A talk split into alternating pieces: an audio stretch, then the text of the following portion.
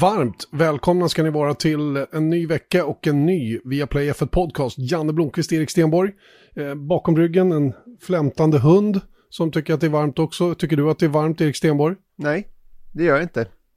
Det ska börja regna i eftermiddag. Jag är djupt bedrövad. Nej, det ska du inte vara. Vi behöver det. Du ska se min gräsmatta, den är knallgul. Mm. Men det är så skönt att bada när det är varmt. Ja, det är i och för sig sant. Hörrni, vi ska inte prata väder och vind, vi ska prata en hel del annat. Det är nämligen racevecka igen, det är Budapest och Hungaroring som står för dörren, nämligen Ungerns Grand Prix. Och det finns lite rekord att slå faktiskt den här helgen, eller ska vi säga, sådana starka siffror i alla fall där man kan nå upp på vissa nivåer. Eh, vi kommer att hålla ögonen på en del saker som vi tycker är intressanta inför den här tävlingen. Ni får en ny krönika, vi pratar sommarlov som är nice eftersom vi går in i sommaruppehållet nu för Formel 1 och hur det påverkar rent psykologiskt. Eh, vi tittar till silly season, det som finns utav den. Vi har några kalenderuppdateringar och sen ska vi prata motorer Erik. Och det är ju ett spännande ämne eh, när det gäller Formel 1 då eftersom man är inne i en period nu när man försöker bestämma sig för vilka vilka motorer vi ska ha i framtiden. Precis, och inte bara bestämma sig för vilka motorer, utan det är långt mycket mer komplext än att bara säga, men vi kör med den här typen av motor, för det ska passa dels alla motortillverkare som är i Formel 1 idag och helst en, två, tre till motor, motortillverkare som ska komma in i for, Formel 1 ja, senare helt enkelt. Så att eh, det är väldigt mycket kompromisser som behöver göras för att det finns väldigt mycket olika, ja, är du Ferrari så vill du en sak, är du Mercedes så vill du en sak, är du, är du um, Volkswagen så vill du en sak, är du Red Bull Powertrains Limited så vill du en sak. Så det är väldigt, väldigt rörigt. Just det, och eh, hur ser bilbranschen på det? Vi eh, försöker ta reda på just det, för det är inte en helt oviktig faktor i alltihopa det här. Och vi har bjudit in en gäst, nämligen Jan-Erik Berggren, som är motorexpert eh, bil, eller bil, ja vad ska vi kalla det? Motorexpert på Expressen och Teknikens Värld. Eh, han kommer lite senare i veckans podd. Men innan vi kommer dit, ska vi prata lite Ungern? För att eh, det är ju ett, eh, ett spännande lopp. Det är en lite mindre bana som eh, ofta kanske inte bjuder på omkörningsfester men som eh, av och till i alla fall har erbjudit oss fina race. Mm. Ja men det tycker jag. Sen så är det är ju en sån där typisk, eh, alltså oftast faktiskt när man går in mot Ungern-helgen så är det ju alltid den här frågan då att det är komplett omöjligt att köra om där.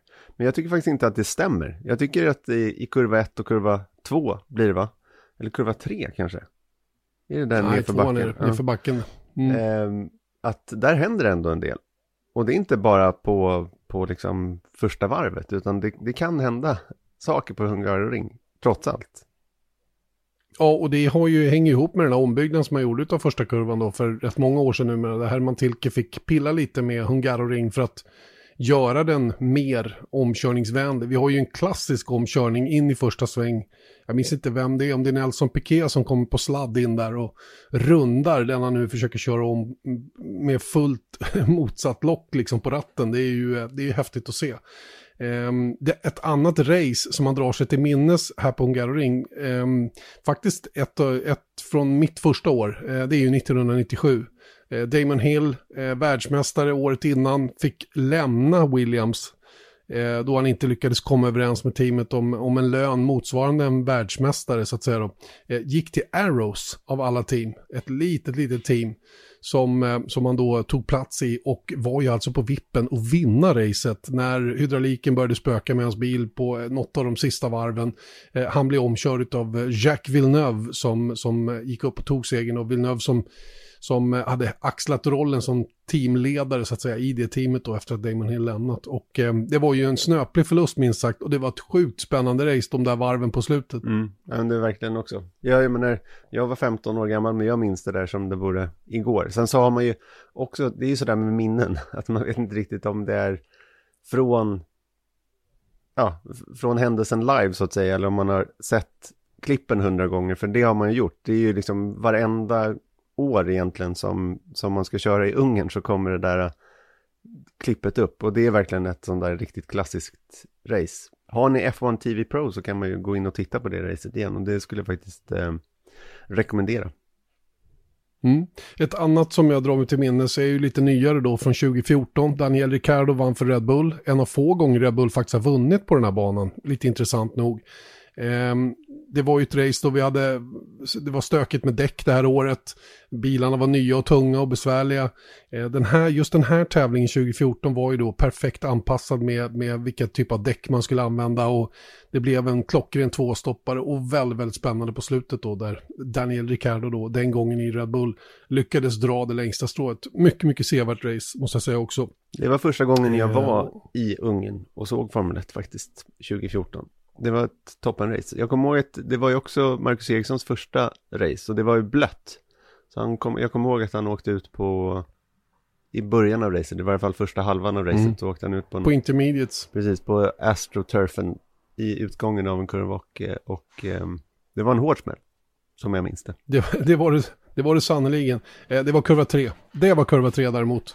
Där han då, eh, där man kommer ner för backen, svänger in i kurva 2, sen är det acceleration då eh, ut och han fick ett baksläpp och en retur och så bar det iväg rätt ut i, i barriären. Och jag kommer ihåg jag gick in i garaget och tittade på chassit efteråt och det hade en rejäl spricka, hela monokocken, eh, efter det som hade hänt där. Så att, eh, och det var en period när Marcus hade det väldigt, väldigt jobbigt i Caterham, omdiskuterad. Eh, och och det, det, hände mycket i det här teamet som inte hade några pengar och det var, det var liksom det var skakigt rent allmänt. Och ni minns ju vad som hände då eh, till omstarten efter sommaruppehållet i, i Belgien då. Då kom ju um, André Lotterer in. Mm. Och sopade banan med Eriksson då i kvalet och, och uh, alla var ännu mer bedrövade. Hur dålig är Marcus egentligen när en kille som aldrig har kört Formel 1 kommer in och uh, liksom dammar banan med honom. Så att, äh, det var en besvärlig, besvärlig tid, minst sagt. Mm. Du, det här är alltså det 36 racet i Ungern som vi ska köra. Um, alla man började köra 1986. Det har man ju sagt väldigt många gånger att det var första racet bakom den gamla järnridån då med Sovjet. Och, eh, men den här banan då eh, var, stod klar på bara åtta månader och man körde första racet 86 då. Och sen så har man kört där varje år sedan dess. Mm. Det är bara två banor va, som har en lika lång eh, efter varandra trend, eller streak, eller vad kallas det på svenska? Mm i, i race i följd. Mm. Eh, Monza och något till har jag för mig som, eh, som, som har samma siffror då som, som Budapest i det avseendet. Mm, jag tror att man är tvåa på listan där efter Monza just. För att sen så, jag tror att det var Monaco som var, såg bra ut innan dess. Men, men eh, sviten bröts ju förra året. Så är det. Och ehm, ja, vad ska man säga mer? Vi har, vi, som jag nämnde tidigare då, det finns ju några sådana här eh, benchmark eller nivåer som, som till exempel Hamilton kan komma upp på. Han har vunnit här åtta gånger, skulle ju kunna, om man vinner nu till helgen då, eh, komma på nio segrar på en och samma bana. Och det är han väl ensam om, så vitt jag vet. Eh, att komma upp på en sån siffra och det är ju ett fantastiskt facit. Det är ju liksom helt galet egentligen. Ja, det var ju faktiskt eh, någonting som vi tog upp i en tidigare podd, att, eh, att eh, när Hamilton då, nu har han vunnit åtta gånger på Silverstone och sen så har Schumacher vunnit åtta gånger i Frankrike. Var det på Magnicourt då, måste det ha varit. Och, eh, men vinner han nu på söndag så blir han först, alltså med nio segrar på samma bana. Det säger ju någonting om, för visst han har kört länge, men han har inte kört Kimi Räikkönen länge. Så han har ganska bra vinstprocent där på Hungaroring. Oj, ja. och apropå vinster, han kan alltså säkra sin hundrade seger i Formel 1. Och för, bara för att sätta det här på något slags, eh, ge er ett perspektiv på hur stort det är, så kan vi säga att hela nationen Brasilien inklusive då åtta VM-titlar fördelat på, vad är det, Emerson, Nelson Piquet, Ayrton Senna. Eh, de har 101 segrar totalt. Mm. Brasilien som nation alltså. Mm. Och Hamilton kan alltså ta sin hundrade själv mm. den här helgen i Budapest. Det är fenomenalt, minst sagt. Sen tycker jag kommer vi till en statistik som är väldigt intressant med tanke på då att vi ska prata motorer lite senare. Och man kan ju säga då att vi har haft samma motorreglemente sedan 2014 när de här turbohybridmotorerna introducerades. Det där racet som Ricardo vann, samma säsong alltså. Och det är ju ganska hänförande då att Hamiltons poltid i, på Hungaroring i fjol var alltså nio sekunder snabbare än Rosbergs pole position 2014. Och det säger någonting om utvecklingen. Jag menar, det är samma reglemente, men bilarna går inte bara tack vare motorerna, men mycket tack vare motorerna så otroligt mycket snabbare de här sju år, sen, sju år senare. Det är ju helt otroligt. Mm. Nio sekunder. Ja, det är, det är fascinerande mycket. Halva av det, eller kanske i alla fall Eh, ska vi säga då, ja men en halva skulle jag säga utav det är ju naturligtvis den nya bilen som kom 2017 då. Som blev bredare, mer är och, och bredare däck och snabbare kurvhastighet. Där plockade man in väldigt mycket av den där tiden. Va? Men, men, generellt så har det ju blivit så mycket effektivare. De här motorerna ger ju bättre, bättre kräm och har blivit mer körbara och, och inte lika stökiga som de var då i inledningen utav det här reglementet. Mm. Nej, och det är verkligen det. det. Om man tänker då på det vi ska komma till att man vill ha liksom eldsprutande monster som, som motorer. Men det har vi ju. Alltså det är verkligen så här. De som minns tillbaka på V8 och V10. Hur det var, att det, det, för det lät mycket. Men om du går nära en Formel 1-bil idag. Och, tänk, och då har i bakhuvudet att vad kan den här motorn göra? Tusen hästkrafter. Det är eldsprutande monster redan idag. Mm. Det måste jag verkligen hålla med om. Eh, en annan intressant eh, som jag var inne på tidigare då, det är ju Red Bulls magra utdelning på just eh, Budapest, eller i Budapest på Hungaroring, där Ricardo alltså vann 2014, bara Mark Webber den enda tidigare vinnaren då i, i Red Bull från 2010. I övrigt så har det varit otroligt svårt för dem att, att säkra upp det just där. Eh, däremot tror jag att det ser lite annorlunda ut till den här säsongen. Det känns som att Red Bull går in i, i Budapest-helgen som, som stora favoriter. Eh, med tanke på mm, till exempel eh, hur de har, bilen uppförde sig i, i Monaco hela den grejen då. Nu vet vi att det var en del andra som var snabba i Monaco också. Men eh, Erik, vi har några grejer som, som eh, vi gärna håller ögonen på lite grann extra här och det finns ju något som hänger kvar på näthinnan. Ja, alltså det är ju faktiskt otroligt vad, eh, om man går in på sociala medier idag, det är nästan två veckor sedan den här incidenten mellan eh, Max Verstappen och Lewis Hamilton skedde. Men diskussionerna går heta fortfarande. Och Visst gör de det är liksom och, efterspelet ja. också. Som är så sjukt intressant bland teamen, tycker jag. Verkligen, och eh, jag, jag, jag fascineras också av det. Men det säger en del om hur viktig den här fighten om VM-titeln är. Eh, jag pratade med Marcus Eriksson igår, vi träffas som hastigast, och han, han menar ju på att det där var ju den största vinstlott Formel 1 kunde ha dragit egentligen att Hamilton och Verstappen körde ihop mm. den här helgen på Silverstone. Eh, dels så krympte ju VM-tabelluckan för Red Bull ner till en väldigt hanterbar, ett hanterbart avstånd för Mercedes att ligga och jaga på. Eh, dels kontroversen som sådan mellan två av de absolut bästa förarna just nu eh, och, och, och de här två lägren som finns då. Och det måste man ju säga, det kan inte finnas många som inte vill se dem drabba samman igen nu då. Säg från första startled ner mot första kurvan på Hungaroring. Mm. Och det är ju det som är grejen att jag tror nästan att man ska ha med sig det i, för att vara lite cynisk, vilket vi ibland blir. Men det är också såklart att Christian Horner och Toto Wolff, alltså teamcheferna för Red Bull och Mercedes, de är inte heller dummare än att de fattar att det här är ju väldigt bra. Att den här fighten blir stenhård. När det nu blev som det blev. För att egentligen, jag kan fortfarande inte släppa att så här, ja, vi pratade jättemycket om själva incidenten i förra veckan. Men jag kan fortfarande inte släppa över att så här, det var en race incident. Det var allt vad det var. Och ändå, jag menar jag tänker på någon liknande grej som, som skedde mellan Rosberg och Hamilton 2016 i Barcelona där de kör om varandra. Det var ju också en sån där grej som blev jättestor efteråt och även då såklart. Men det här känns ju dubbelt så stort. Och det tror jag nästan är ett maskineri också över att alla inblandade, och då menar jag förarna, teamen, vi i media, Formel 1, alla vill att den här fighten ska vara så hård som den kan vara. Och då hjälpte det här verkligen till. Så att jag tror att alla liksom försöker nu verkligen utnyttja momentumet som det här fighten mellan Hamilton och, och de här ja, verkligen så här, kriget om VM-titeln vill verkligen folk utnyttja. Får, jag bara citera en kille som heter JJ Watt. Du vet förmodligen mm. vem han är mer än vad jag gör. Han kastar ovalboll, va? Är det inte så? I amerikansk fotboll. Eller han kanske fångar dem bättre. Han är, jag tror att han är tight end. Tror jag. Tight end. Eller, eller och det vet inte jag linebacker, jag vet inte. Linebacker. Ja. Någonting sånt. Han är i alla fall väldigt, väldigt stor på sociala medier. 2,5 miljoner följare eller vad han har för någonting. Va? Och han skriver så här då på Twitter. Didn't know a single thing about F1 racing besides Lewis Hamilton like a month ago. Now I'm just wondering which is greater. Christian Horner's love for Max Verstappen or his hate for Toto Wolff. I also down Uh, I'm also down a deep rabbit hole on the 2022 car and on the downforce implications. Jag menar, fattar ni eh, när, när den typen av människor börjar fånga upp det här? Och det här hänger ihop då med Netflix-serien återigen.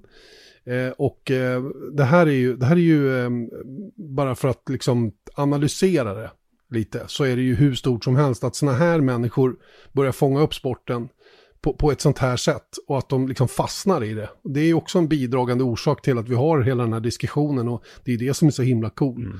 Och, och um, det gör ju vårt avslutande samtal om motorerna också lite spännande att, att föra.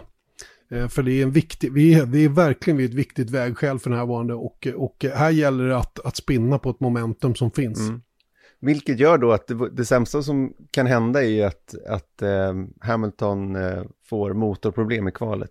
Så att han är startar sist, eller från depån eller någonting mm. sånt där. Medan Hamilton, mm. eller Verstappen startar pole position. Så att det inte blir fight, för nu vill vi verkligen ha den här fighten. På riktigt. Ja. Och speciellt inför ett sommaruppehåll kanske. Absolut. Eh, och, och jag tycker också att det, det, är viktigt, för mig är det helt oviktigt vem av dem som vinner. Det känner jag är helt egalt. Bara det blir den här fighten, det har jag sagt hundra gånger. Det viktigaste är att, de, att den som är skickligast tar hem det och att man verkligen får hårt motstånd. Det är ju super, superviktigt inför den här avslutningen på andra halvan av säsongen då, som vi står inför efter eh, Monaco, eller eh, Ungerns Grand Prix. Eh, du, vi tittar vidare då på sånt som vi håller ögonen på då inför den här helgen. Så är ju ett team som jag tycker är spännande, Ferrari, eller hur? Mm. bevisligen oerhört snabba på, på mindre banor, trängre banor, typ Monaco, men också väldigt konkurrenskraftiga senast i Eh, England på Silverstone, där de visserligen inte hade en bil som var tillräckligt bra på den hårda gummiblandningen, men på medium riktigt, riktigt vassa. Eh, Björn Wirdheim var inne på att de har fått ihop sitt paket nu, det här paketet, det de har i år, på ett bra sätt. Och jag tror att de blir farliga faktiskt, även om de själva bäsar ner sina chanser en del. Men jag tror att de blir att räkna med faktiskt i, i, ehm, i Budapest. Mm. Och var kommer det här ifrån då? Jo, men det är såklart från Charlie Clash pole position i Monaco. Sen så blev det ju eh, ja, det, det, blev ju inte som, racet blev inte som han hade tänkt sig. Men han visade verkligen att, och det där var inget liksom flukvarv som han fick till, utan han, mycket möjligt hade han blivit slagen där i kvalet ändå, men Ferrari var skitbra i Monaco. Oväntat ja, bra. Ja, de blev ju tvåa med Carlos Sainz. Exakt, men det var ju det som, att... he, hela helgen var de verkligen med. Och skillnaden då i Monaco, man ka, brukar ju kalla att Hungaroring är Monaco utan räcken. Och egentligen så kör man ju samma bilar, samma downforce-nivåer åtminstone i, på bilarna i Ungern som man gör i Monaco. Det är egentligen bara mm. styrväxeln som är annorlunda.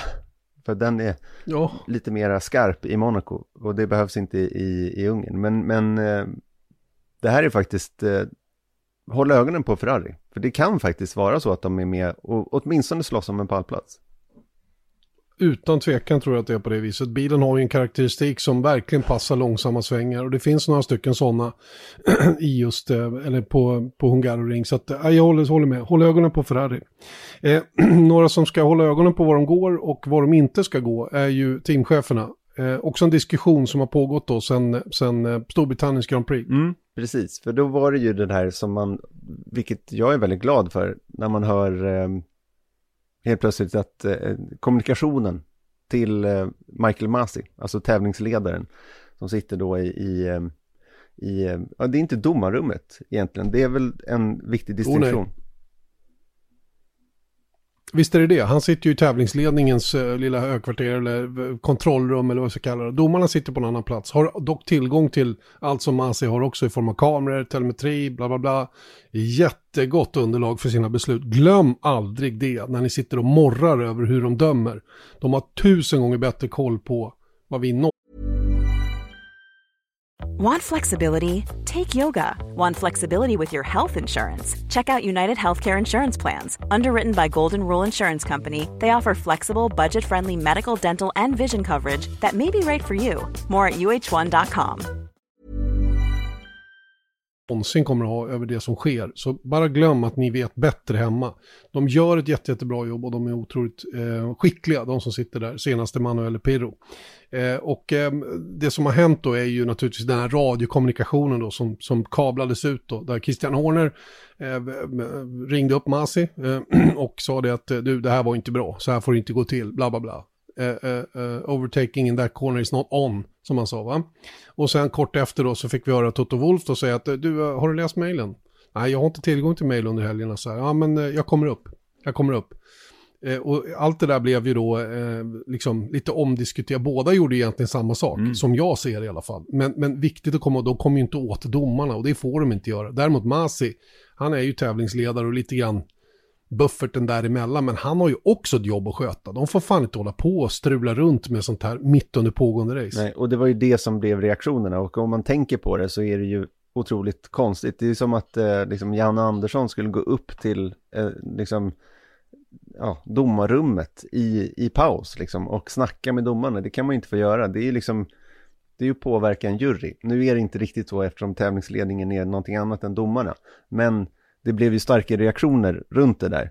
För helt plötsligt så blev det ju tydligt att okej, okay, men vi kan påverka, åtminstone för publiken, att teamen försöker påverka hela tiden. Och det är klart att domarna sitter ju, de har ju massor av verktyg, men de har också en tv-feed. Så de ser ju vad, vad Christian Horner och Toto Wolf försöker säga till Michael Masti. Så de är ju medvetna om att det där sker också. Så det är klart att de inte, de sitter ju inte i ett vakuum där inne heller. Och det där blir ju väldigt konstigt faktiskt, att, att eh, deltagare i en sport ska liksom försöka manipulera ett domslut, vilket det faktiskt är. Och, men eh, mm. nu får man inte gå upp till Michael Masi längre under, eh, under pågående race. Om man inte är uppbjuden dit. Det är den nya regeln. Just det. Och det tycker jag är helt rätt. Och konstigt att den inte har funnits innan snarare än någonting annat. Det är ju fullständigt självklart att de har ingenting där uppe att göra överhuvudtaget. Ehm, jag kan förstå om en sporting director i teamet har frågor kring vad som händer under själva racet, eh, eventuella domslut som man har fått emot sig där man kan få ett klargörande eller vad det nu kan vara. Va? Där, den kommunikationen finns ju hela tiden för att det ska finnas ehm, en, en, en, en vad ska jag säga, en en dynamik så att man kan jobba med saker. Jag menar, Masi hör av sig till McLaren, ja då pratar de med Sporting Director hos McLaren respektive Mercedes och Red Bull om det är så att de har synpunkter på någonting som team. Så den grejen har jag inga problem med. Men när, när liksom Horner kommer på radion, då, det, det, är inte hans, det är inte hans jobb, det är inte hans position överhuvudtaget. Va? Det, blir, det blir fånigt. Va? Samtidigt som det blir godis för oss som sitter och kollar naturligtvis när sånt där återigen och kablas ut världen runt. Mm. Sen ska man väl påpeka då att, att det kanske är så att um, det inte var i rätt ordning som tv-publiken fick se det där. Um, att det kanske var Toto Wolf som kontaktade Michael Masi först med sitt e-mail och sen så kom det, utan snarare så att uh, i ordningen vi fick se det var kanske inte den, den ordning som stämmer och kanske inte allt som, för allt kommer inte ut heller. Så att uh, det blir ju, det blir ju såklart en, en uh, inte helt verklig bild som vi som tv-tittare får se i de här situationerna heller. Håll inte på att döda en story med fakta här nu Erik. Det ska jag inte göra. Det är, det, är, det, är, det är så man jobbar med journalistik. Man ska aldrig döda en story med fakta. Okej. Okay. Vi jobbar olika, du och jag En gammal skröna. vi jobbar inte så, vill tillägga det. Vi, vi sitter långt över. Vår standard är så hög i det avseendet. Eh, ja, eh, som sagt, eh, Hamilton vs. Verstappen, det är ju någonting som eh, blir superspännande att följa givetvis. Ferrari, kan de ta pole igen precis som de gjorde i Monaco? Mycket, mycket stor chans till det, som jag ser i alla fall. Eh, och en låst dörr upp till både tävlingsledningen och domarna i det som gäller eh, och som vi håller ögonen lite extra på och, och vi tycker att ni ska göra det också då inför Ungerns Grand Prix. Mm.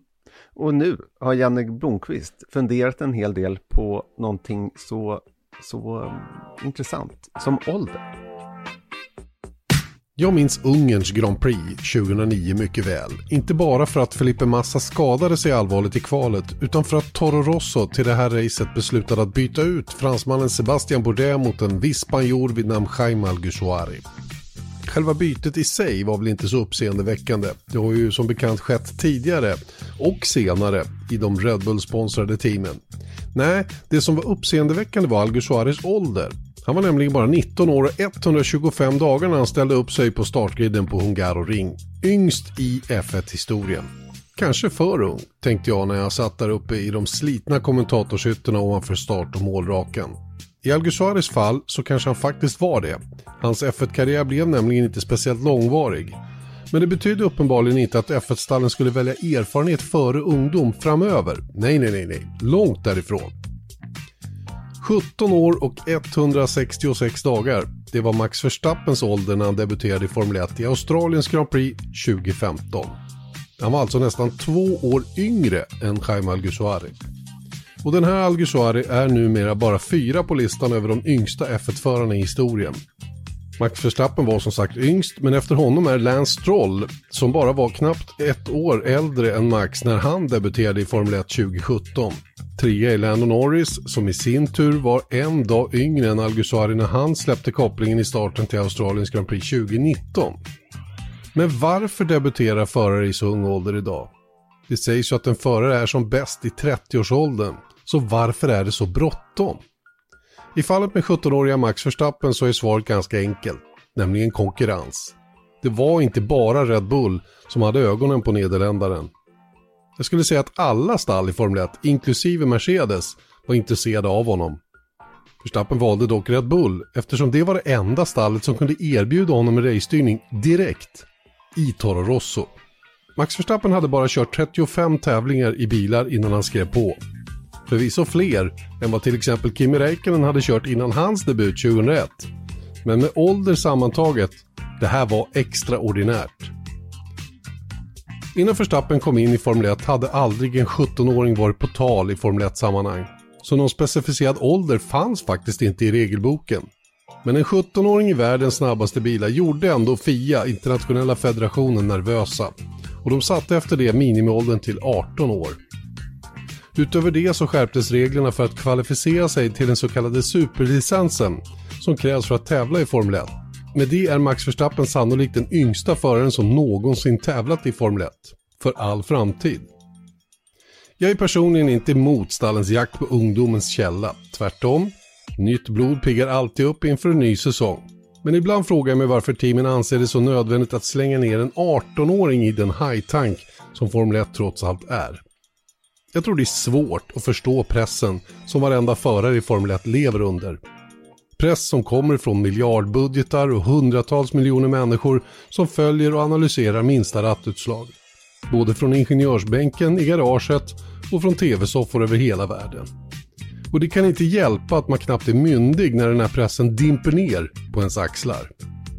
Men, å andra sidan, Stroll och Norris simmar ju rätt fint i den där hajtanken. Och Max Verstappen, ja han är ju just nu den största hajen av dem alla.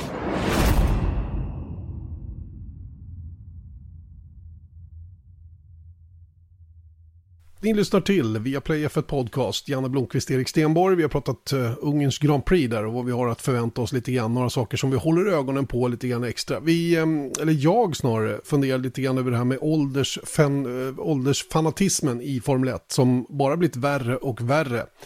Uh, och en sak Erik, på, på det ämnet som, som jag drar mig till minnes då från när till exempel Kenny Bräck drog igång sitt Talent Development Program då, där Marcus Eriksson ingick och sedermera hamnade i Formel 1 var ju just att det var ju den det var just den eh, bilden som de skaffade sig av Formel 1. Här gällde det att vara tidig. Mm.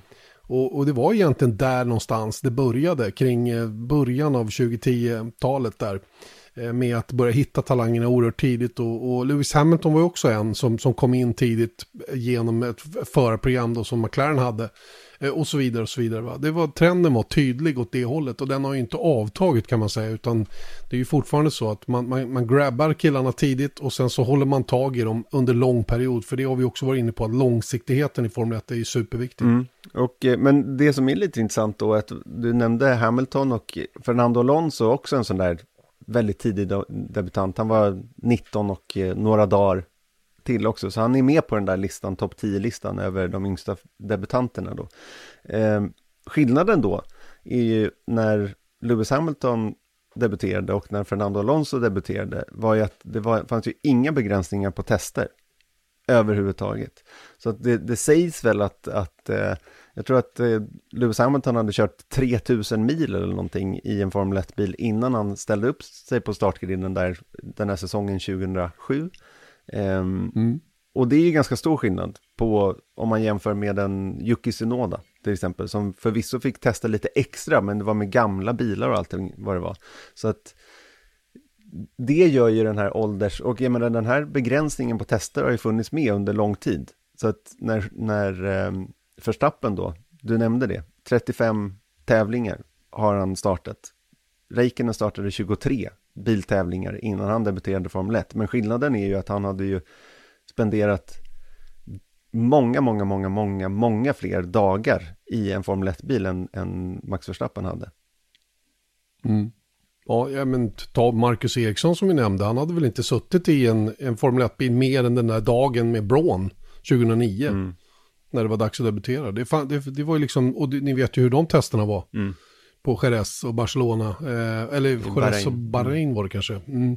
Det, bilarna gick ju knappt. Så att jag menar, hur ska man kunna förbereda sig då? Och jag menar, Caterham i det avseendet hade ju inte någon simulator att tala om som var liksom motsvarade hur det är att köra Formel 1-bil heller. Så att, nej, det där, eh, det där är ju eh, olika saker. Men återigen, alltså, den här, det, det, är ju, det är ju för fan vetenskapligt att, att i synnerhet män som är under 20, de är ju, de är ju inte i närheten av färdigutvecklade upp i knoppen. Nej.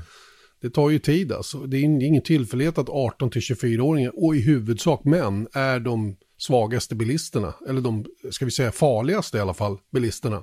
Eh, I, i vanlig trafik. Det finns det ju statistik på, så det går ju liksom inte att snacka bort. Och eh, därför kan jag tycka, och det där, jag tycker att den här minimiåldern som, som finns på 18 år borde egentligen vara kanske 20 eller 22.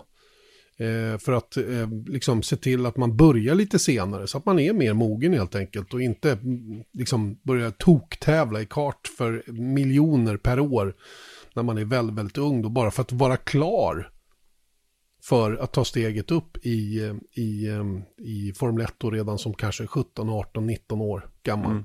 Apropå det, Christian Lundgård, är han bekant? Mm. Alpin Junior, yep. eh, Renault Junior då, som han är, dansken. Han var och testade för eh, Ray Letterman i Indycar. Mm -hmm. eh, tillsammans med Oliver Askew och jag vet inte om det var någon mer på den där testen. Men, men eh, det är ju en intressant utveckling faktiskt. De börjar ju känna att det kanske inte är riktigt eh, det är inte riktigt eh, läge att eh, jaga vidare på en plats i Formel 1 då, som, som alpin junior då med tanke på att Ocon har förlängt kontraktet till 24 och att Alonso då som lite överraskande bara hade ett plus ett år eh, inte har något kontrakt för nästa år men kommer allt närmare och ska väl egentligen ganska enkelt kunna förlänga det där kontraktet med alpin om de kommer överens om, om villkoren. Mm. Vilket vi pratade om också, att det är väldigt många juniorer. Det där är baksidan med att vara med i ett juniorprogram. Att helt plötsligt så lägger man liksom sin karriär i händerna på, på ett eh, märke som antingen kanske drar sig ur eller så fyller de upp det där med så många förare så att det blir liksom, även om du presterar så, så har du liksom ingen plats.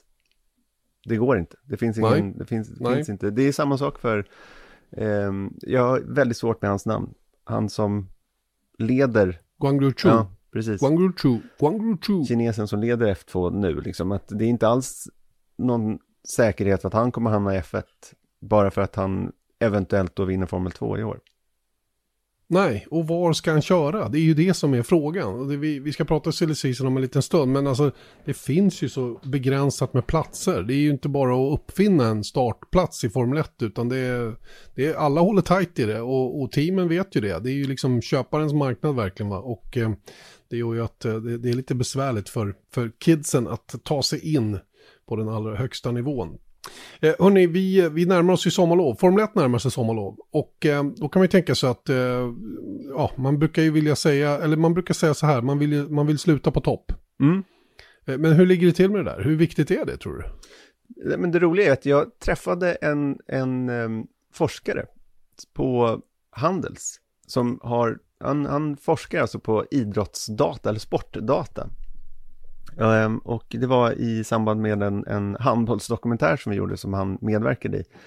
Och ehm, det han påvisade då var att det finns stor forskning på, eller mycket forskning runt hur egentligen, framförallt i fotboll är det, att det där med det där psykologiskt viktiga målet, om det kommer i fotboll i slutet av första halvlek, då säger alltid kommentatorer, eller det, det ligger liksom i, i, i, på höften redan, redo att komma ut, när det kommer ett sent mål i första halvlek, att här, ja, det där var ett psykologiskt viktigt mål. Eller det var ett psykologiskt viktigt baklängesmål för teamet som, eller laget som, som fick det emot sig. Så att man går in i halvtidsvilan med till exempel eh, ett måls ledning eller det är jättedåligt då om man går in i halvtidsvilan ett, eh, i, med ett måls underläge. Men det visar sig att det där spelar ingen roll. Det är aldrig bra att gå in i halvtidsvila i underläge. Men det spelar ingen roll när det kommer. Vilket gör då att det har vi också sagt, vi har gjort oss skyldiga till, till den eh, analysen också, att man vill avsluta eh, racet innan sommaruppehållet på ett bra vis, för då kan man gå in i, i semestern med lite lugn och, och, och, eh, och tillförsikt för eh, slutet av säsongen. Men det spelar inte så stor roll, så länge du har gjort det bra under hela säsongen fram tills dess. Do I make sense? Mm. Så, Ja, det gör det faktiskt. Och, och, ehm, jag kan väl inte relatera till det egentligen, för det är så länge sedan jag idrottade själv på en nivå där sånt spelade någon roll. Men, men jag, kan, jag, kan, ehm, jag, jag, jag tror ju att, det, att framgång är färskvara. Om du förstår vad jag menar. Mm. Man är glad för stunden. Jag menar, ponera att du vinner då det sista racet innan sommaruppehållet, så är du skitglad två dagar efter. Men sen, sen när du går ur det där, så eh, när det är dags igen, då kommer ju den här vanliga ångesten tillbaka om hur ska det gå framöver. Utan man har, man har kanske ett visst självförtroende av det, va? Men, men inte tror jag att det är någonting som påverkar eh, på det viset. Va? Vi har ju, som tur är, ganska lätt för att glömma och, och eh, bilda oss nya uppfattningar hela tiden. Och det där tror jag går att applicera på, på, på idrott rent generellt och, och, och i synnerhet på Formel 1. Då. Sen, sen eh, som sagt, det är väl eh, även, det är inte roligt att gå till, till sommar, sommarlov med, med kanske en krasch. Det sista som händer. Nej. Jag tror ändå att det, det kan kännas. Att, eh, eller att, att liksom man är orolig för tillförlitlighet eller vad, någonting händer för femte gången i rad precis innan sommaruppehållet. Och så vet man att vi går in i ett sommaruppehåll där, där fabrikerna är stängda. Ingen kommer att kunna göra någonting åt problemet. Sånt stärker ju inte dig som individ, det tror inte jag i alla fall.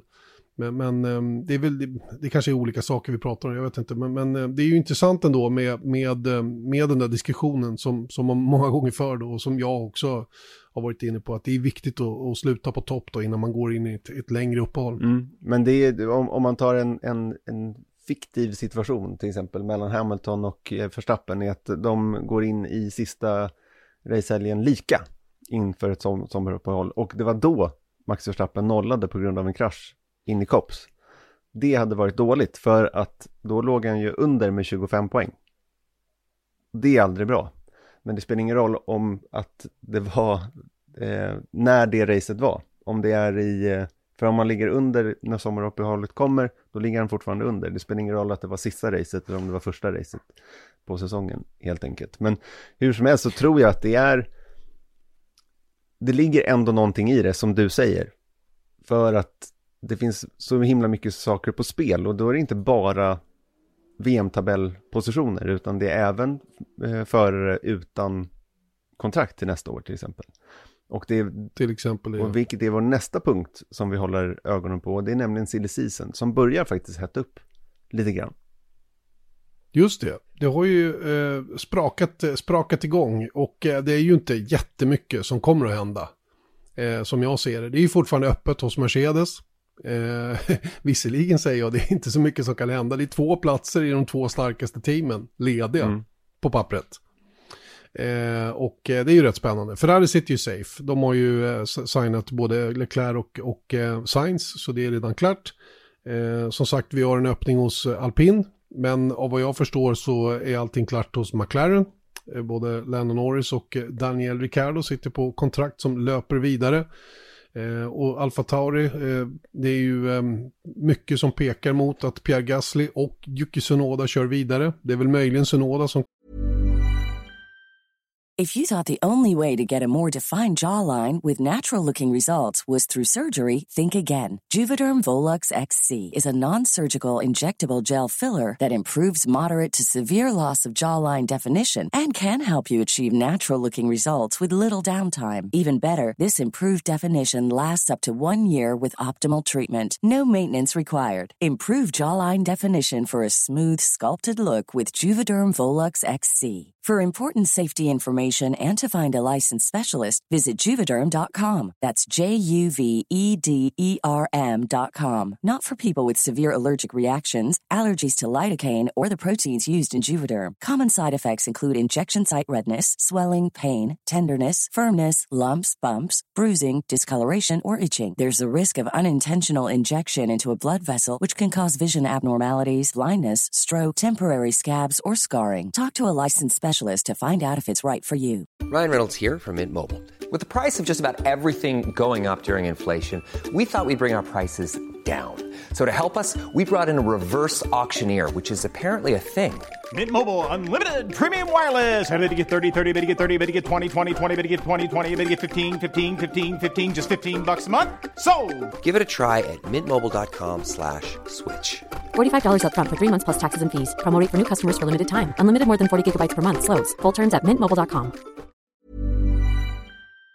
kan vara lite osäker i just det teamet då. Eh, bak i Haas är det väl svårt att svara på vad som händer. Eh, Nikita Mazepin sitter ju safe givetvis, de är pappans starka inflytande ekonomiskt. Eh, Mick Schumacher har ju en, det är ju en, eh, det är ju en triangel kan man säga då med ett kontrakt som han har då med vad de nu heter nu för tiden. Jag kallar dem för FCA i alla fall, men Ferrari Chrysler. Eh, Ferrari kort och gott, så, som han tillhör då juniorprogrammet där. Och, och vad Ferrari vill placera honom så att säga. Då. Det finns väl anledning att tro att man tittar på alternativ. Haas har ju inte imponerat i år, eh, men, men det kan ju tänkas att, att Alfa Romeo kan vara en, en alternativ position för, för Mick Schumacher. Eh, men det, det, som är hetast just nu, det är väl det som dök upp här för någon, någon vecka sedan, eller några dagar sedan i alla fall, med Valtteri Bottas. Som, som eh, återigen så blir det ju ännu, det blir mer och mer liksom som pekar mot att, att eh, nu till exempel det senaste var ju att Toto Wolf kommer ju hjälpa honom. Om det är så att de väljer Russell. Varför säger de det liksom? Det är väl bara för att markera mot marknaden att eh, här är det så att ni är sugna på Bottas då finns vi och supporta. Eh, det har även kommit upp information om att Alfa Romeo skulle, vara, eh, skulle ha Bottas högst upp på önskelistan. Eh, och att det till och med förs diskussioner. Eh, mina uppgifter talar eh, rakt mot det. Det förs inga diskussioner överhuvudtaget mellan Valtteri Bottas och Alfa Romeo. Dock inte med det sagt att det inte skulle kunna hända att Bottas hamnar i Alfa Romeo om en position där blir ledig. Men, men eh, det, det är fortfarande så att Bottas är nog troligast på väg till Williams. Eh, att det blir ett rakt avbyte där så att säga. Men det som är mer spännande Erik, det är också att Stoffel van Dorn och Nick de Vries då börjar nämnas. Båda Mercedes-förarna i Formula E. Där Toto Wolf då, eh, slick som han är i den här high-tanken som vi pratade om tidigare. Eh, börjar nämna sina gubbar där och för att eh, röra om lite grann i grytan. Eh, jag vet inte, är det, har jag missat något? Nej, men jag tror inte det, men det är det som jag tycker är intressant och vi pratar ju Russell då. Eh, det kanske inte nämnt det, att det, det, är ju Russell då som Nej, väntas gå. Han var för självskriven. Ja, exakt. Russell som väntas gå till, till um, in i Bottas styrning då hos Mercedes. Men det är just dels den här grejen då att att eh, Toto Wolf nämner de här grejerna och det är ganska spännande då att för att det har ju blivit nästan som en sanning. Jag ser ju liksom i alla de här listorna som eh, liksom florerar runt på internet runt var eh, hur silly season kan tänkas sluta liksom, var, var alla förarna kommer tänkas hamna. Då står det så här, uh, possibly Alfa Romeo för uh, Bottas på nästan alla. Och då är det lite lustigt då att vi har ju då de uppgifterna som att det har inte pågått några diskussioner överhuvudtaget. Och det är ju, ja, rent ut sagt en förhandlingstaktik bara. Mot, Ja. mot sannolikt då Williams som du säger.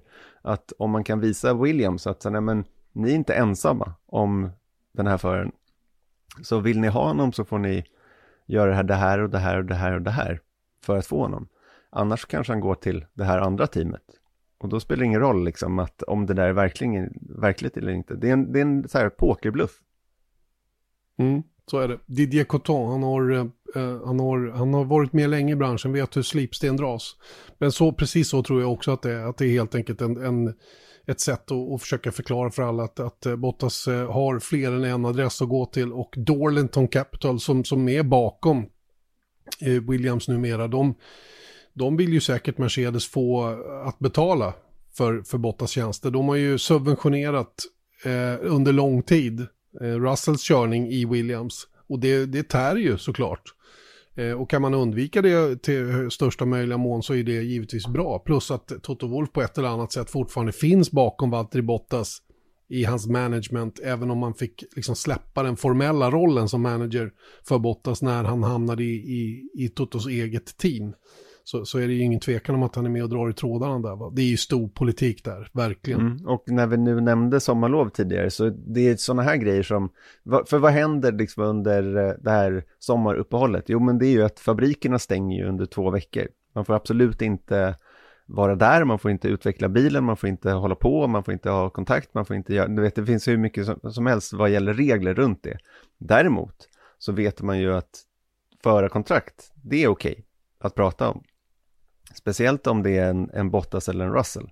Så att jag tror att det är det som kommer ske helt enkelt. Och det var ju Günther Steiner som sa det apropå Schumacher. Är att nej men det är inget påskrivet med Schumacher än. Men vi kommer diskutera det här under sommaruppehållet. För det är okej. Okay. Det får man göra. För det är liksom eh, privatpersoner så att säga som, som pratar mellan varandra. Så att det är där jag tror att ett, ett starkt sista race nu för, för Bottas skulle hjälpa hans sak ganska mycket. Eh, snarare än att han, han eh, klantar av och snurrar av på första varvet. Det hade inte varit bra för, för Bottas i ett förhandlingsläge mot Williams eller en Alfa Romeo eller vad det nu kan tänkas vara.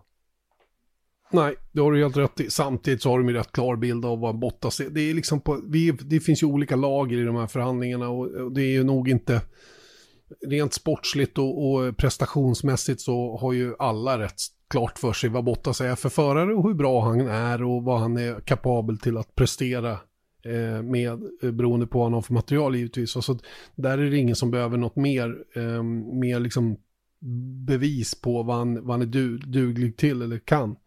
Utan nu det handlar det mer om att eh, prislappar ska passa in och det är andra pusselbitar och det är mycket så här tvingades in här, ja men om vi får det där kan vi göra si och så och så. Och det, det, är liksom, det är mycket mer än det sportsliga som avgör nu. Just de här platserna längre ner på griden som, som ofta hänger ihop med ekonomiska åtaganden till höger och vänster.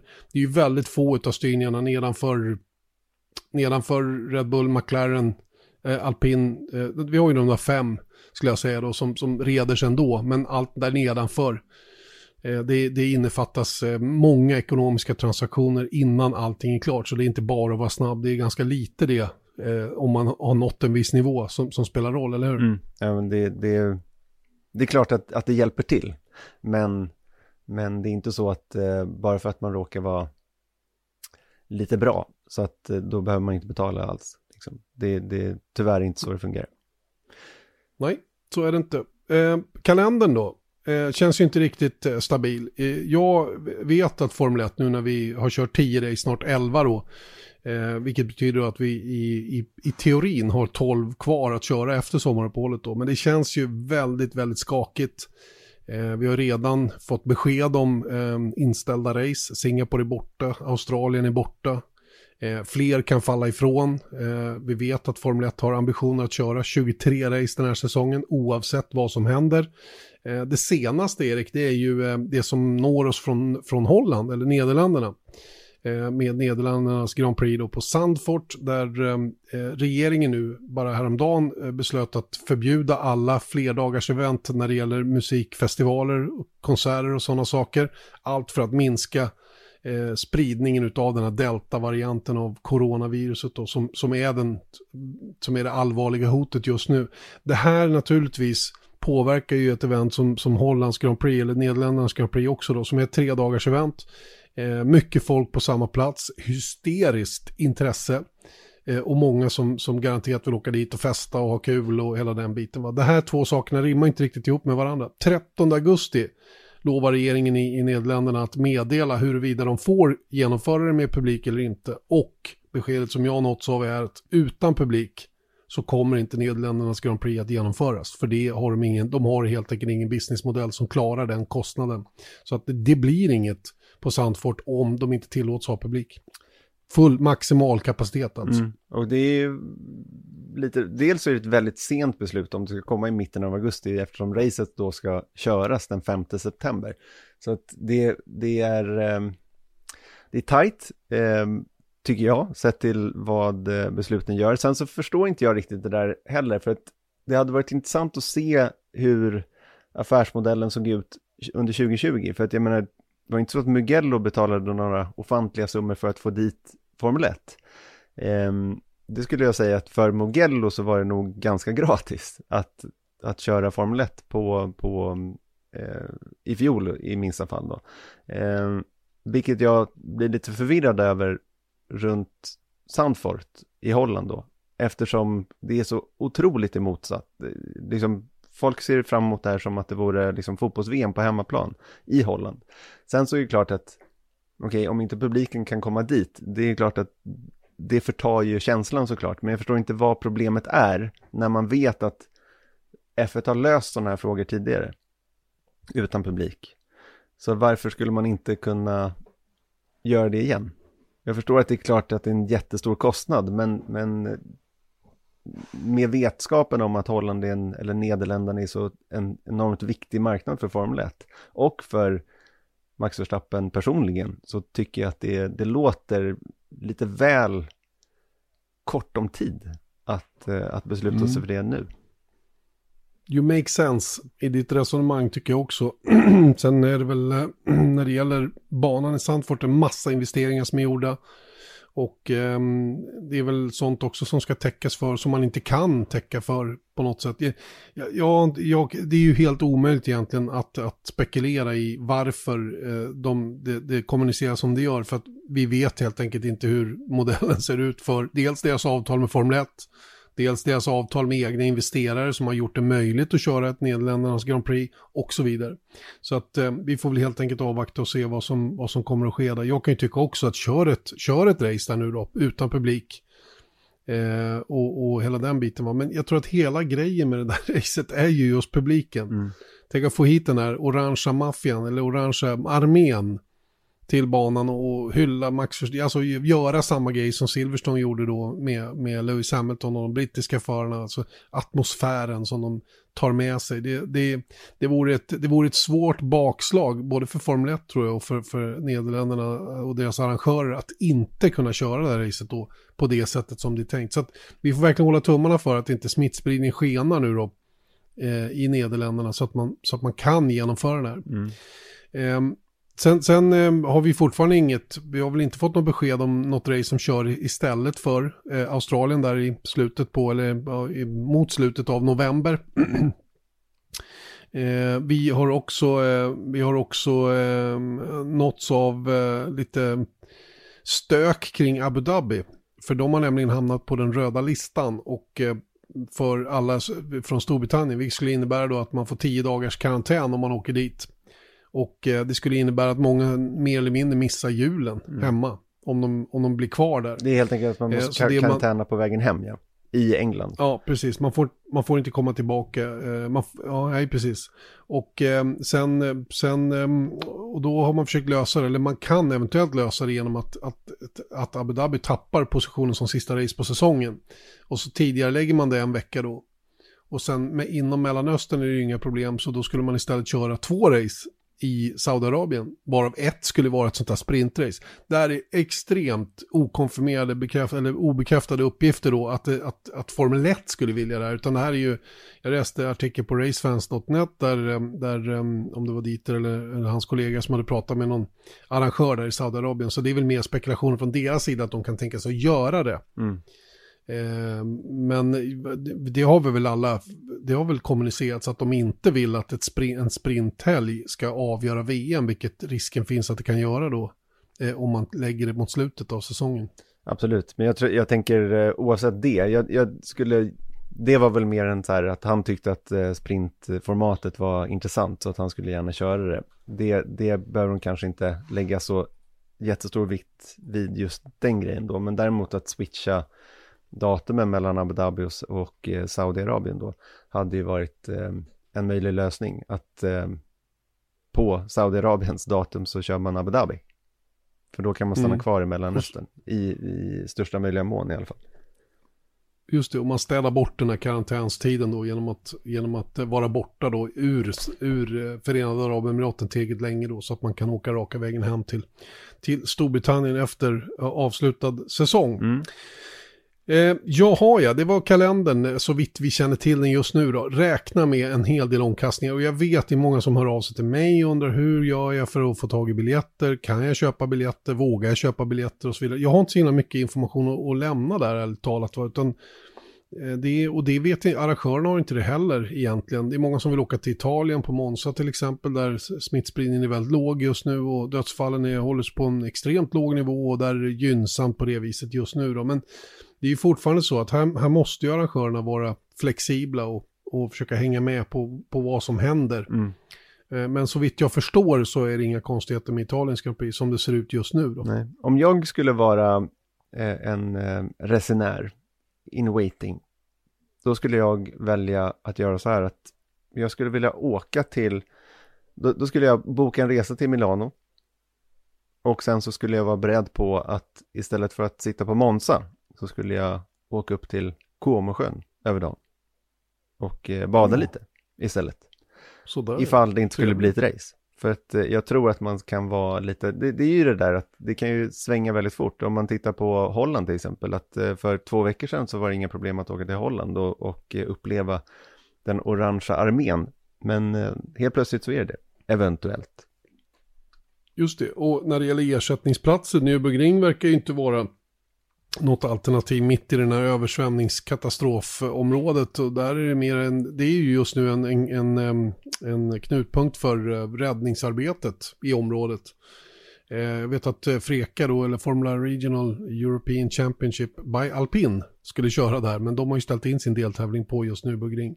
Eh, Turkiet där skenar ju smittan igen. Mm. De är ju ersättare då till, till Singapores Grand Prix. Ska det bli något?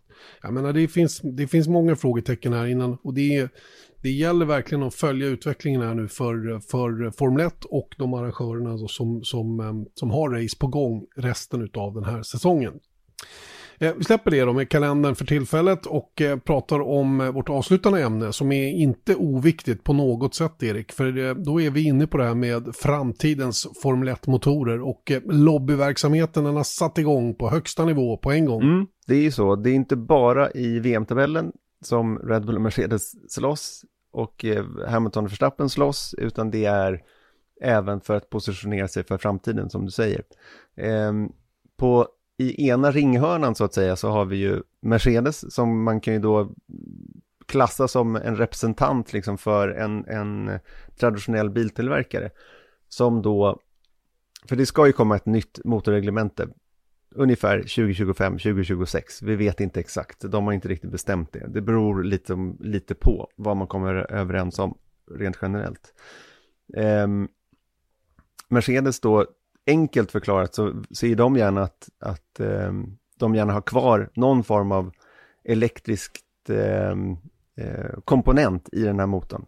Om det är en hybrid som det är idag eller vad det nu kan tänkas vara så, så vill de ha kvar den.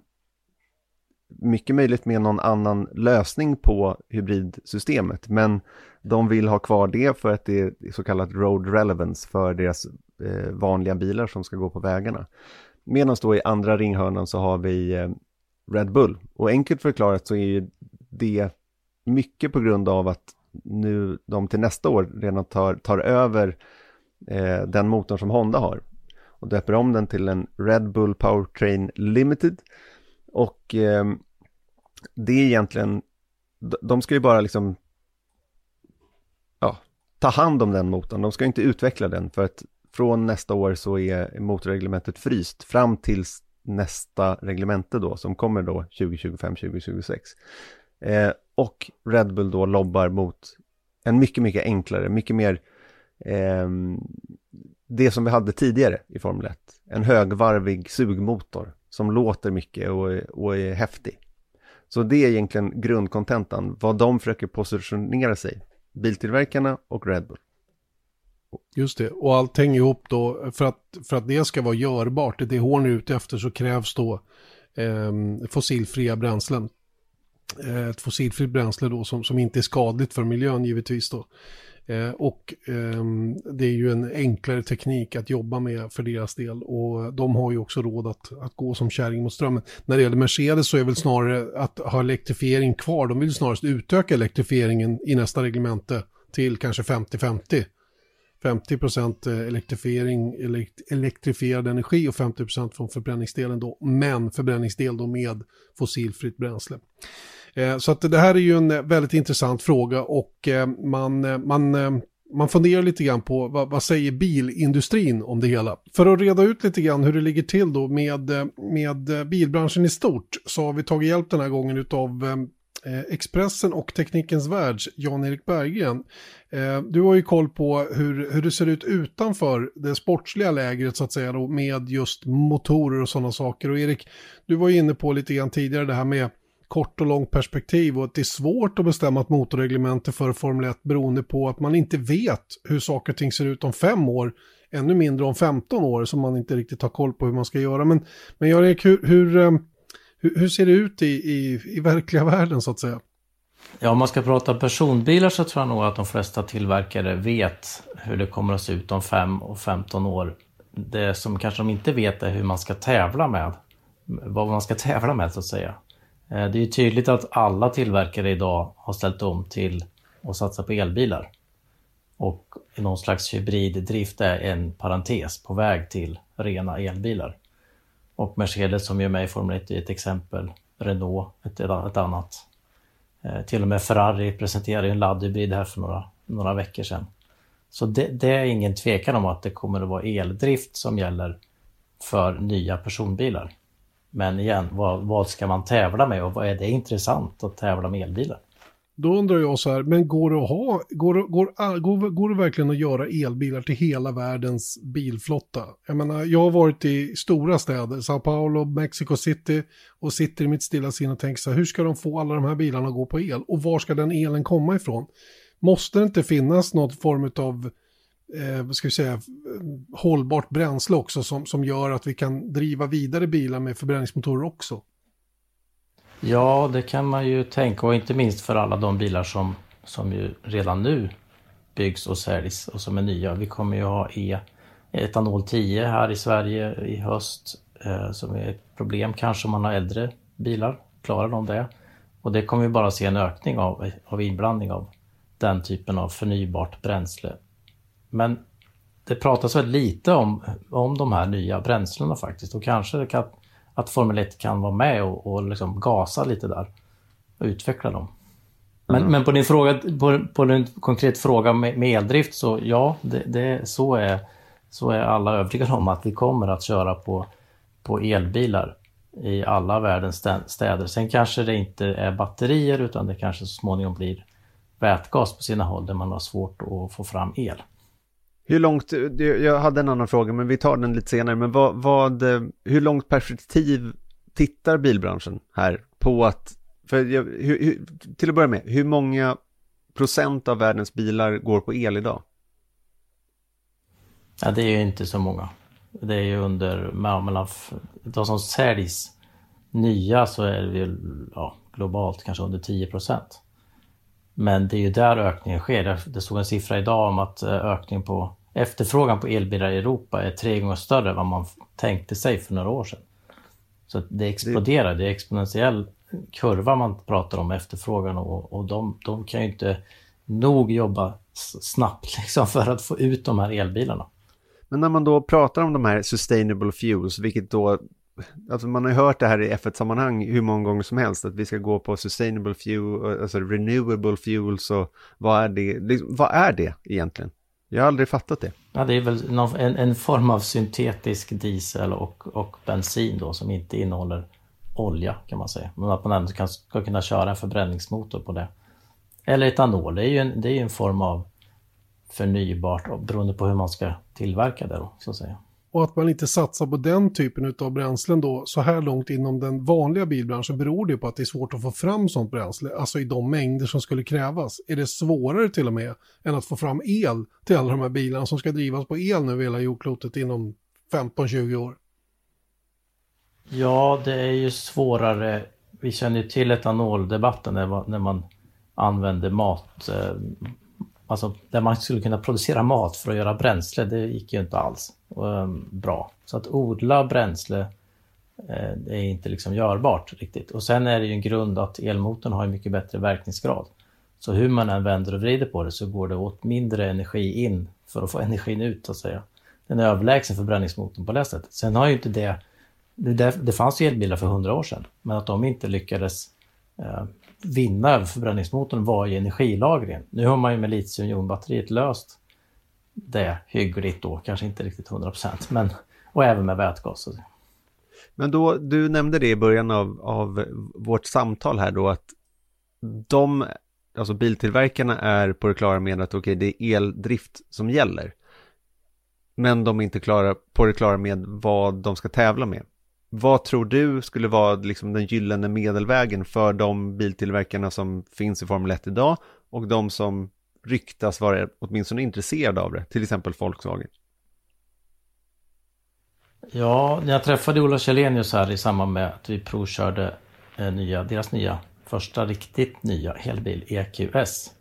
Eh, då fick han ju frågan då, dels om de har tagit ställning till Formel 1 och det var ingen tvekan om att det är där de ska vara. Och så fick han också frågan om Formel E och det var han väldigt ehm, ja, avmätt skeptisk till. Han sa att det, det, det, är en startup. Det mästerskapet är en startup, så det får vi se vart det tar vägen. Och det har ju rullat på ganska länge nu, så att kalla det startup tyckte jag var lite ja, nedvärderande faktiskt. Så det var ganska tydligt vilket mästerskap han ser framför sig att Mercedes absolut ska vara med i.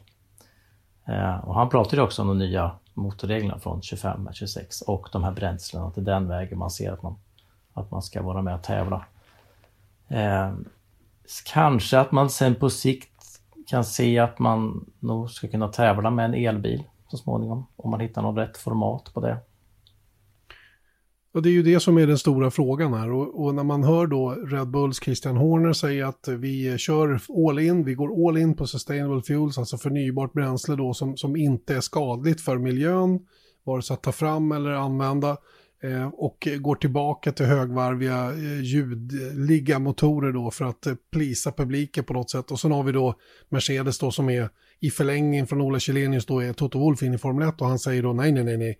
De unga fansen, de bryr sig inte om det utan vi borde mer och mer gå mot en, en 50-50 fördelning el och förbränningsmotor. Eh, båda har ju på något sätt rätt, känner jag i alla fall, att, att det, allt går inte att lösa bara med el, i alla fall inte på det perspektivet vi pratar nu. Men, men man förstår på något sätt samtidigt att de har lite att fundera på eh, Eh, i, i sporten rent generellt, för att de står ju verkligen vid ett vägskäl nu. Hur ska de göra och hur ska de framförallt hålla publiken kvar? Eh, Formula E eh, har du ju nämnt, vi har Extreme E och vi har lite andra elmästerskap. Inget av dem blir några succéer överhuvudtaget. Och jag kan hålla med Ola Kjellén som att Formula E känns som en startup fortfarande. För att det pumpas in en väldigt massa pengar och man vet inte riktigt var de där pengarna kommer ifrån. För tillverkarna lägger ju inte några större summor på att tävla där. Och det är lite det Chilenius menar, utan det är precis som att alla vill att det ska vridas ihop och, och ja, att Formel 1 ska vara det ledande trots allt. Jag vet inte hur du, Jan-Erik, ser på det till att börja med. Nej, det tycker jag också är ganska tydligt. Sen är det ju flera tillverkare ändå som, som inte är med i Formel 1, får man säga. Um, ja, nu har vi ju har vi ju Fiat Chrysler-koncernen då är ju med genom Ferrari och Alfa Romeo. Där kan man väl tänka sig, jag hörde ni pratade om förra veckan om att Alfa har ett års kontrakt mer eller mindre. Mm. Man ska använda det namnet. Det finns ju andra varumärken där som, som gärna kan tänkas att gå in så kan se i Formel 1. Peugeot är ju väldigt högt ansett inom den gruppen. Då. Eh, Renault är ju med så att säga och um, Mercedes men uh, det finns ju andra. Det finns ju många kinesiska tillverkare. De har hittills varit i Formel E. Uh, de satsar ju mycket på elbilar liksom och, och det, det uh, Land Rover Jaguar. Aston Martin är ju med då så att säga men, uh, ja, det finns ju ändå några som står utanför som ja, Kia Hyundai, de är med i rally kan man säga då, men, men lite Formel E också. Så jag kan tänka mig att om man hittar något, hittar något bra reglemente så kan det nog vara intressant för fler att vara mm. med istället. Man tänker sig även den amerikanska marknaden? Hur, hur ser amerikanerna på det här? Hur, jag menar, Indycar, de trevar ju verkligen in i den här så att säga hybriddelen till att börja med. Då. De, de är ju långt, långt, långt ifrån eh, bekväma med eldrift, som jag uppfattar i alla fall i USA. Ja, de säljer mycket elbilar hyggligt många i USA och det kommer ju nu pickuper som är eldrivna så de ska väl lanseras. Så de har ju fått en ny president som ser lite annorlunda på klimatfrågan än vad den förra gjorde. Så det, där kommer det hända mycket. De kanske har lite eh, ja, energiproduktion och distributionsproblem också. Vi vet ju hur det ser ut i USA. Men där har man väl också, jag kan tänka mig att det är kanske mer fokuserat på som ljud och den gamla typen av racing och det ska dundra och skramla och låta. Så att de kanske har ett ännu större bekymmer där borta. Och det där tycker jag är en intressant grej.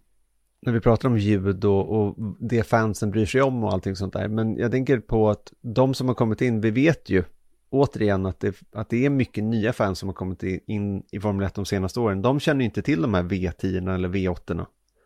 Utan, och sen så tänker man då på att det här reglementet som ska in då 2025 eller 2026, okej, det är en form av interimgrej till att man kanske eventuellt skulle landa i ett mer permanent reglemente till 2031, 32, jag bara hittar på siffror här, men då är det det, jag menar då var det ju 20 år sedan som vi hade en V8 senast jag menar, då, då är ju inte det liksom längre i spel. Det finns inga förare som har kört med V8 längre eller få i publiken som ens upplevt det, gissningsvis. Nej, och tittar man på, på tv, det är, väl, det är ju många, många fler som ser på tv än som är på banorna och där hör man ju inte ljudet längre. Alltså det finns ju inte samma ljudupptagning från, från nere från asfalten som det var lite förr. Men, så jag tror inte man upplever inte på tv som en ljudgrej liksom. Man känner, jag tycker Erik, känner det här trycket. Liksom. Erik, du är ju på en viktig grej här, för att det de tittar på nu, det är ju hur det ska vara 2035. Och vi, mm. då, det är därför man inte kan resonera lite som Christian Horner gör, tror jag. Jag tror att man måste resonera mer som Toto Wolf och Mercedes gör för att det här ska funka. Eh, nu är det inte så konstigt att Red Bull kanske går som kärring mot strömmen här. De är de enda som inte är kopplade till någon motortillverkare eller biltillverkare överhuvudtaget, utan de har ju nu då från och med 2022 då brutit loss och är sig själva. Och vi vet ju att i Formel 1 så pratar man egen sak i huvudsak då. Och Red Bull vill ju att eh, kostnaden för att utveckla någonting nytt ska vara så lindrig som möjligt. Så man kan väl förstå en ståndpunkt på det viset då. Okej, sista frågan Jan-Erik. Vad, vad, tror du man kör med då 2035 i Formel 1 bak till? El eller förbränning el. eller både och? El. Det tror jag. Jag tror inte vi har förbränningsmotorer 2035. Det, det, det, kommer att vara förbjudet att sälja bilar med förbränningsmotorer oavsett om det är hybrid eller inte från, i Europa från 2030 till 35. Man pratar om 35 nu men det kommer kanske att skruvas åt åt andra hållet lite grann. Så då, då tror jag inte man vill marknadsföra den typen av drivlinor alls. Intressant ifrån Jan-Erik Berggren. Eh, man, man blir både lite skraj och lite nyfiken och lite allt möjligt. Jag är ju en, en konservativ person eh, eh, åt puristhållet när det gäller Formel 1 och, och sådär. Va? Men, men jag, jag, jag är ju också, jag, jag fattar ju, jag är inte dum i huvudet, så jag förstår ju vad som, vad, vad som är på väg att ske här. Och eh, det är ju en intressant utveckling. Jag har ju länge trott att fossilfria bränslen är det som de kommer att jobba med och fortsätta med över tid för att det är någonting som hela världen kommer att ha nytta av. Eh, jag hade svårt, eh, jag har haft svårt att se att hela världen ska åka på el. Eh, men, men Jan-Erik Bergen har ju mycket, mycket bättre koll på det än vad jag har. Så jag får väl helt enkelt böja mig för, för utvecklingens väg. Vad säger mm. du? Men jag tror att det, det, är det som är det svåra med allt det här. Att man, man ser liksom sådana här förändringar i dagens ljus. Så att jag menar, skulle vi helt plötsligt byta alla bilar idag till på väldigt, väldigt kort tid, på ett års tid till elbilar, ja men då hade vi haft problem. Men vi pratar ändå i det här fallet eh, på ett perspektiv på 10-15 år. Och då är helt plötsligt så, ja men då, nu börjar man förstå lite eh, hur det skulle kunna tänkas se ut då. Men jag tror att eh, det är väldigt så här spännande tycker jag, för att vi vet ju också att Formel 1 har ju en önskan om att vara den här äh, plattformen för nya innovationer. vilket de kanske har tappat lite de senaste 20-30 åren. Eh, det var ju det tidigare, liksom man kom med uppfinningar som man sen kunde sätta på en vanlig bil. Och visst finns det saker som, som Formel 1 innoverar idag som, som ändå hjälper bilindustrin i stort, men inte på, det är inte ett direkt utbyte. Och jag tror att en sån grej som med, eh, och det, det har de ju rent av sagt, att det här med fossila bränslen är att de skulle vilja vara liksom the benchmark, the testbänken egentligen för, för världen. Lyckas man med det, då är man ju nämligen väldigt relevant som sport. Gör man inte det, mm. då, då är man bara en sport, så att säga. Ehm, och det är det jag tror att eh, alla parter i det här målet är sugna på att vara. Det, det är intressant också att, att branschen verkligen har bestämt sig för el. Eh, det, det är liksom det som gäller nu. Mm. Och det, har, det är ju ett ganska modigt beslut att ta ändå. Sett till att infrastrukturen runt el är ju ganska eftersatt, måste man ju ändå säga. Vi, vi pratar ju elbrist i Sverige emellanåt. Eh, och det finns mycket att jobba med där eh, för att det ska funka att åka på el för alla i, i ett sånt välutvecklat land som Sverige. Och då pratar jag inte i, jag menar hur tar man sig fram då i mer remota ställen eller i, Afrika eller Asien där, där det är vidspridda utrymmen eller uppe i norra Sibirien, whatever. Hur ska det gå till liksom? Jag, jag kan inte riktigt se det framför mig, men det finns det ju folk som har koll på. Eh, så att jag tror eh, att ha det här liksom parallella spåret, i alla fall tillfälligtvis, med fossila bränslen, se vart det tar vägen, så kan nog branschen svänga igen lite grann hitta, jag menar de är ju inte, de är inte främmande för att ta nya strategiska beslut där man bestämmer sig för att ja, men vi, nu ska vi utveckla den här motortypen istället för det har dykt, dykt upp nya rön som, som pekar mot att det är bättre. Men, men, för närvarande är det ju liksom elbilsproduktion som gäller. Allt fler märken säger att vi gör inga mer förbränningsmotorer. Nu är det vanliga elmotorer som gäller. Det som också var intressant som Jan-Erik Bergen sa, det var ju kring Ola Källenius attityd mot Formula E. Formula E då, som, som många, jag vet att det är många som tror att Formula E är liksom plattformen. Men, men jag är nog inne på Chilenius eh, attityd att det är en startup. Det är någonting som bara var tvunget att finnas och där pengar kommer från någonstans man inte riktigt har koll. Eh, vem det är som finansierar hela andra grejen. För biltillverkarna spenderar inte i närheten av vad det kostar att åka Formel 1 till exempel för att vara med där. Och de kommer att gå lite som det passar och man gör det under paraplyorganisationer mm, som, som då, men, men med sitt varumärke så att säga. Så att Formula E är ju inte framtiden om man säger så, utan den, den tror jag om vi pratar elektrifiering av racing så kommer det också att landa på Formel 1 förr eller senare. Eh, oavsett vad det är för avtal med FIA som har gjorts mellan, bla bla bla, va? utan någonstans så, så, ehm, så är det F1 och det är där de stora pengarna finns och det är där det kommer att drivas utveckling som gör att vi kan se högprestanda bilar men drivna på el. Mm. Exakt, men det är ju också på det här långa perspektivet. Vi vet ju inte när, när jag menar det finns ju inte ens en, en, ett årtal som vi vet när det reglementet skulle träda i kraft då. Nu vet vi 2025, 2026 och då är det sannolikt inte full el, eller det kommer det inte vara. Ehm, nej, nej. Och sen så får vi, det kanske vi håller på med det reglementet i tio år innan vi kommer på, på det där el och då, då är det knappt så att varken du eller jag är kvar i den här sporten. Jo, jag kommer vara kvar. Ja, okej. Okay. Ja, ja. Jag är, el, jag är eldriven vid det laget. Ja, exakt, det kanske det är. Men, men det som jag tycker också är lite spännande runt de här eh, hållbara bränslena är ju att jag, jag hörde någonstans, eller jag, jag, tror jag läste en artikel med Elon Musk som pratar om att, okej, okay, men även om, om eh, alla bilar från en dag till en annan, det bara såldes elbilar, så kommer det ändå vara ett perspektiv på ungefär 50 år innan de här förbränningsmotorerna har fasats ut. För att det såldes ju igår en förbränningsmotor. Och den kan man ju inte mm. skrota direkt. Mm. Så det finns ju en relevans fortfarande att få de här förbränningsmotorerna att gå på förnybar bränsle. Under fem, de 50 år som den bilen eller den traktorn eller vad det nu kan tänkas vara eh, ska leva. Även om, om bilen som säljs imorgon bara är el. Mm. Nej men det har du helt rätt i och det är ju ett oerhört viktigt uppdrag dessutom då med tanke på den klimatpåverkan som, som fossila bränslen har. Så att eh, go for it. Ja, det, vi, vi kommer inte längre i det här men det var intressant tycker jag att höra ändå eh, Jan-Erik Bergens syn på det. Han har väldigt bra insyn i just den här delen av bilindustrins tankegångar. Eh, men sen att man inte riktigt vet hur och vad man ska tävla med framöver. Men eh, det är ganska långt bort i alla fall till full eldrivna Formel 1-bilar. Det kan vi konstatera, så här långt i alla fall. Eh, ja, ska vi säga så eller? Har du något spännande att erbjuda till Budapest, Ungerns Grand Prix produktionsmässigt, förutom att jag kommer att sitta där precis som vanligt ihop med Rickard Rudell? Precis, Nej, men vi har ju Björn som vanligt på plats eh, i Budapest. Eh, och han kommer på torsdag träffa Mick Schumacher. För en Sådär, ja. exklusiv intervju med oss, vilket jag ser fram emot mycket. Sen kommer vi då titta närmare på den här mästerskapsfighten, såklart. Och eh, när eh, ungefär vad vi vet, halva säsongen har gått, så kommer vi också blicka tillbaka och eh, försöka se in i spåkulan en aning.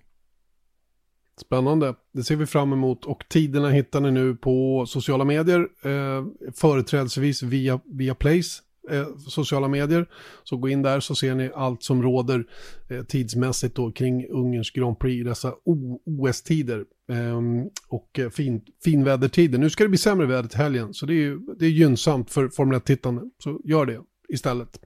Eh, nu säger vi eh, stort tack för idag. Hoppas ni har haft eh, utbyte av det vi har pratat om så hörs vi om en vecka igen. Ha det gott. Hej då!